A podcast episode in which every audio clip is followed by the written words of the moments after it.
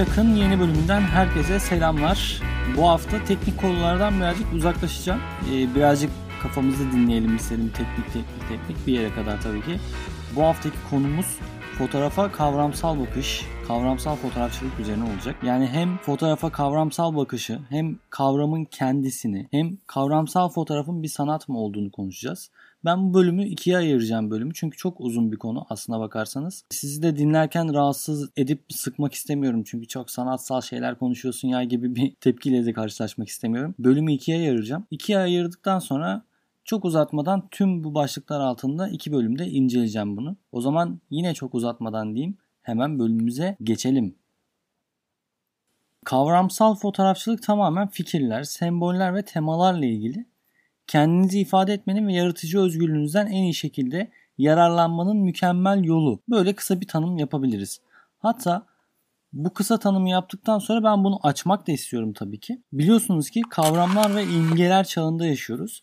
Bize bir konsept otomobil satmaya çalışan dergilerdeki görüntüleri veya medyadaki görsellerin kim olduklarına ve insanların genellikle imaj olarak adlandırdıklarına dair bir kavramı nasıl aktardığından endişe eden ünlüler ve politikacıları düşünün. Biraz karmaşık bir cümle oldu farkındayım. Kavram ve imge kelimeleri bazen neredeyse birbirinin yerine geçebilir görünüyor. Bunun nedeni görsel görüntünün bir kavramın ifade edilmesi için güçlü bir yol sağlamasıdır. Fotoğraflar özellikle etkili bu konuda. Bir fotoğraf bin kelimeye bedel olabiliyor. Bu da çeşitli fikirlerin tek bir fotoğrafta yoğunlaştırılabileceği anlamına da geliyor. Fotoğraflar ayrıca soyut ve anlaşılması zor görünen kavramların görünüşte daha gerçek, somut bir tasvirini sunuyorlar bize. Tüm bu nedenlerden dolayı fotoğraflar bir fikri iletmek için reklamlarda, filmlerde, videolarda, dergilerde ve kitaplarda yoğun olarak kullanılırlar. Kavramsal fotoğraflar genellikle aklınıza gelebilecek herhangi bir konuda öğretici sunumlarda ve ders kitaplarında görünür. Bununla birlikte eğitim sistemimiz görsel okur yazarlığın gelişimine göreceli olarak çok az dikkat çekerken kavramsal düşüncenin dil ve anlam bilim yoluyla iyileştirmesini vurgular. Yani bir fikrin ifadeleri olarak görüntüleri nasıl yaratır ve analiz ederiz onu vurgular. Bu programın da amacı bu aslında. E, kavramsal fotoğrafçılık yapmanın pratik ayrıntılarından bahsetmeden önce kavramsal fotoğrafçılığın altında yatan kavramlara çok kısa bir yoldan gitmek istiyorum. Bu ilk yolum en başta da bahsettiğim gibi kavramsal fotoğraf sanat mı? Şimdi bu konuya neden girdiğimi anlatacağım size. 20. yüzyılın başlarından itibaren oldukça meydan okuyan birkaç sanatçı her şeye sanat dünyasının sanat yaratmak için kullanılan estetik ve malzemelere yaptığı vurguyu protesto ettiler. Herhangi bir eserin değerinin esas olarak çok yetenekli bir kişinin onu idealize edilmiş estetik yöntemler kullanarak yarattığı gerçeğine dayandığı para bilincine sahip galeri ve müzeler dünyasında sanat nesnelerinin aşırı ticarileştirilmesine karşı çıktılar. 1950'lerde heykeltıraş Edward Kindholz'un genellikle minimalizmle ilgili olan yeni bir harekete ilham veren kavramsal sanat terimini icat etmesiyle protestolar zirveye ulaştı. Bu yeni hareket estetik kararlılığın ustaca uygulanmasına odaklanmak yerine bir sanat eserine yol açan kavramı vurguladı. Burada da önemli olan parçanın görsel güzelliği ya da kullanılan malzeme ve teknikler değildi. Daha ziyade ifade ettiği fikirdi. 1967'den sıkça alıntılanan Sol Lewitt'in sürece ilişkin açıklaması oldu. Açıklamada aynen şu şekilde kavramsal sanatta fikir veya kavram işin en önemli yönüdür.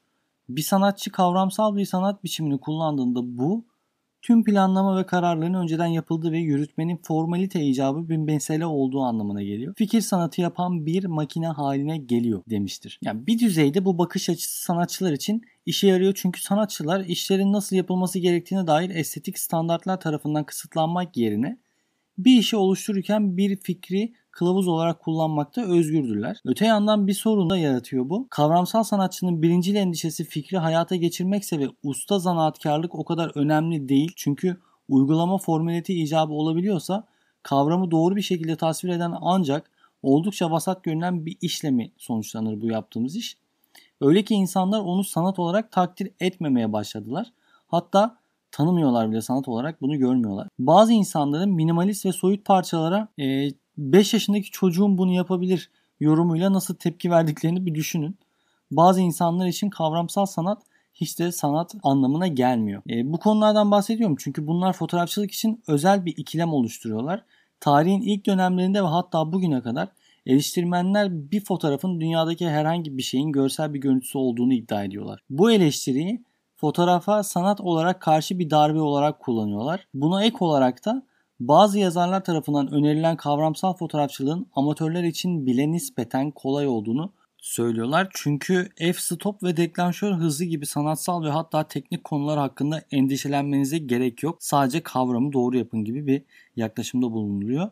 Kavramsal sanat olarak fotoğrafa karşı ikinci bir vuruş oluyor bu da. Neyse ki üçüncü vuruş yok ve olmasını da pek istemiyoruz biz fotoğrafçılar. Aslında burada oyuna girip faul bile yapabilirim. Yani benim bu futbol benzetmem birazcık yanlış ve yerinde değil ama Bununla nereye gideceğimi bildiğimden eminim. İyi kavramsal sanatçılar, fotoğrafçılar veya başka türlü size teknik ve sanatsal kompozisyondaki son derece gelişmiş becerilerin mükemmel bir kavramsal çalışma yaratmanın o eve koşturmasına büyük ölçüde yardımcı olduğunu söyleyeceklerdir. Yüzlerinde gülümsemeleriyle dans eden yaşlı insanların bulanık, aşırı pozlanmış, korkunç çerçeveli bir fotoğrafını çekebilir, sonsuza kadar genç olma fikrini tasvir ettiğini iddia edebilir ve haklı olabilirsiniz. Ancak alan derinliğini, pozlamayı, rengi ve kompozisyonu çivilerseniz oraya, genç yaşlarının Neşesi fotoğraftan dışarı sıçradı. Fotoğraf sopanız kavramsal topa yankılanan bir çatlakla bağlanmayı başardı. Ne anladınız bu söylediğim cümleden? Hiçbir şey. Çünkü Lewitt ve diğerlerinin önerdiği gibi kavramın uygulanmasının illaki formalite icabı ve mekanik olmadığında eklemek istiyorum demiştir. Yani burada anlattığım cümlede hiçbir şeyin yerine doğru düzgün oturmasına gerek yok. Süreç özellikle karmaşık veya anlaşılması zor kavramlarla uğraşırken çok zorlayıcı ve yaratıcı olabilir. Hatta gerçekten ilginç, kavramsal fotoğraflar geliştirirken fikirleri fotoğrafa dönüştürmenin zorluğu, yaratıcı ve sanatsal olması gerekir tırnak içinde ve kararların çekim öncesinde, sırasında ve hatta sonrasında verilebileceğini söyleyecek kadar ileri gidebilirim. Bununla ilgili daha sonra bu programın ilerleyen kısımlarında başka bir şeyden bahsedeceğim ama ben şimdi kavramsal fotoğrafta kavramın anlamına değinmek istiyorum. Dediğim gibi bu bölümü iki bölüme ayıracağım. Çünkü gerçekten uzun bir konu ve anlaşılması dinlerken böyle yorabilir de sizi. O yüzden ikiye böleceğim. Hemen kavrama girelim. Kavramsal fotoğrafta kavramın kendi anlamının ne olduğuna bakalım. Zaten hani konsept nedir diye bir soralım kendimize. Sözlük size bunun bir şey veya bir şeyler sınıfı hakkında genelleştirilmiş bir fikir olduğunu söyler. Fiziksel dünyadaki somut, somut bir varlıktan ziyade insan zihninde soyut bir düşünce. Oturduğunuz şey, oturduğunuz özel şeydir.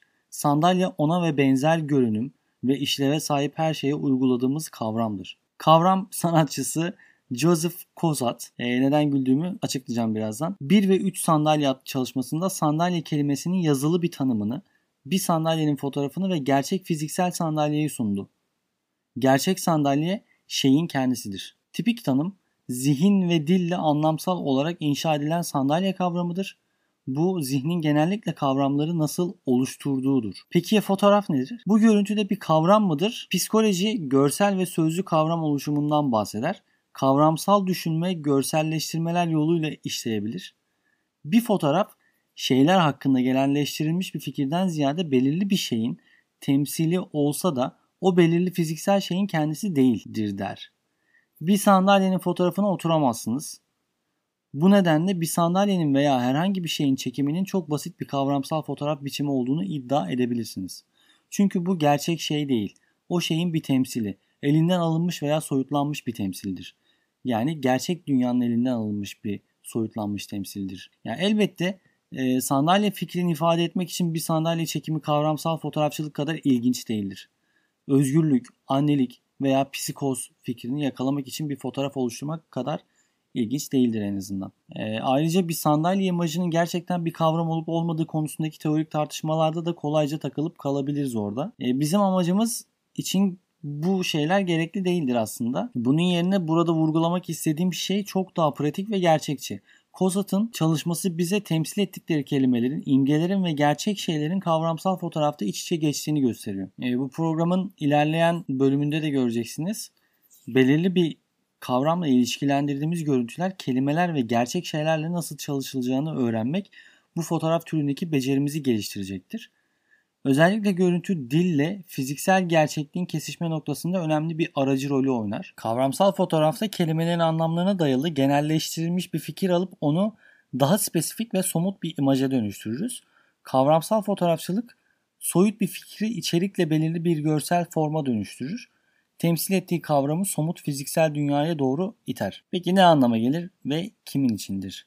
Sorusunu da hemen sormamız gerekir bunun ardından. Kavramsal fotoğrafçı izleyiciye bir mesaj getirmeye çalışıyor. Siyasi bir ifade, sosyal bir yorum ya da sıklıkla yaptığım iş durumunda benim mesela insanlar, ilişkiler ve duygular hakkında psikolojik bir fikrin tasviri olabilir. İzleyicilerin görevi yani bu fotoğrafa bakan sizlerin görevi mesajın ne olduğunu bulmaktır aslında.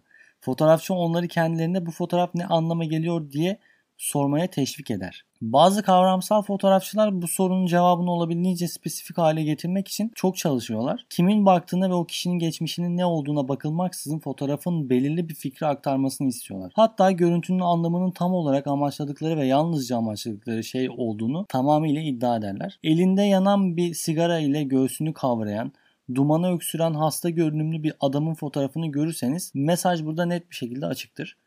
Sigara içmek sağlığınız için zararlıdır. Bazı kavramsal fotoğrafçılar basit bir kavramsal gerçek sunmak yerine insanları bir konu hakkında belirli bir şekilde düşünmeye ikna eder ve hatta bu konudaki duygu ve inançlarını değiştirmeleri için onları cesaretlendirebilir de. Diğer kavramsal fotoğrafçılar farklı bir yerden yaklaşıyorlar buna. Farklı bir yaklaşım sergiliyorlar aslında. Fotoğrafta genel bir konsept sunuyorlar. Ancak görüntüyü izleyicilerin kendi beklentilerine, duygularına ve geçmişlerine göre anlamı daha öznel yorumlayabilecekleri şekilde tasarlıyorlar. Fotoğrafçı izleyicileri kavramsal bir oyun sahasına yönlendiriyor. Ardından onları özellikle fotoğrafın ne anlama gelebileceğine kendileri karar vermeye teşvik ediyor. Bir fotoğrafta masanın üzerinde bir sıra atıyorum kokain ve bir çift zarın yanında arka planda birinin katlanmış elleriyle bir paket sigara görürsek kavram bağımlılık gibi görünür. Ancak tam anlamı şuna açıktır yani yorumlamaya açıktır.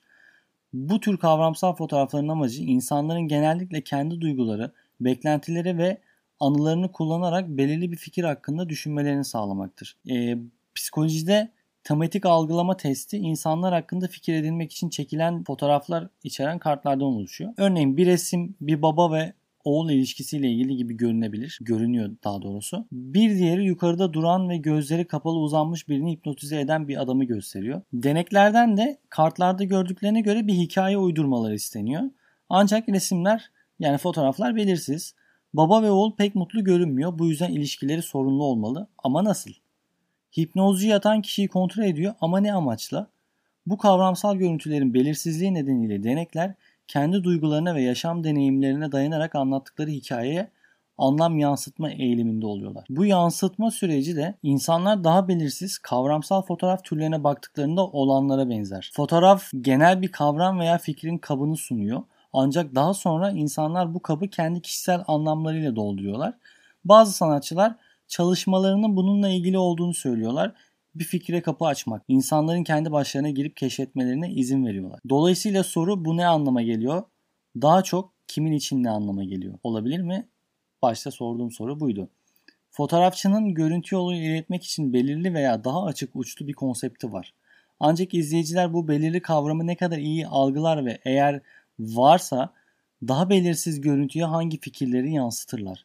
Görüntü fotoğrafçının belirli bir konseptle ilgili gerçekleri doğrudan betimlemesinden daha fazlasıysa, izleyiciyi bu kavram hakkında belirli bir şekilde düşünmeye ikna etme girişimi ise başarılı olur mu? Bunlar kavramsal fotoğrafçılığın en temel sorularıdır. Bu en temel sorulardan sonra da gönderen kanal ve alıcı konusuna da eğilmek istiyorum hemen. Şimdi sosyal psikoloji kavramsal fotoğrafçıya sunmak için iletişim hakkında bazı yararlı fikirlere sahip. Bir mesajın göndericisinden mesajın alıcısından ve mesajın içinden geçtiği kanaldan bahseder. Fotoğrafçı gönderen, fotoğraf kanal, izleyici de alıcıdır. Üç öğenin her biri kavramsal mesajın etkisinde çok büyük bir rol oynuyor. Her şeyden önce gönderen olarak fotoğrafçının kavramı net bir şekilde anlaması gerekiyor zaten. Eğer bilginiz bulanıksa görsel iletişiminiz de belirsiz olur.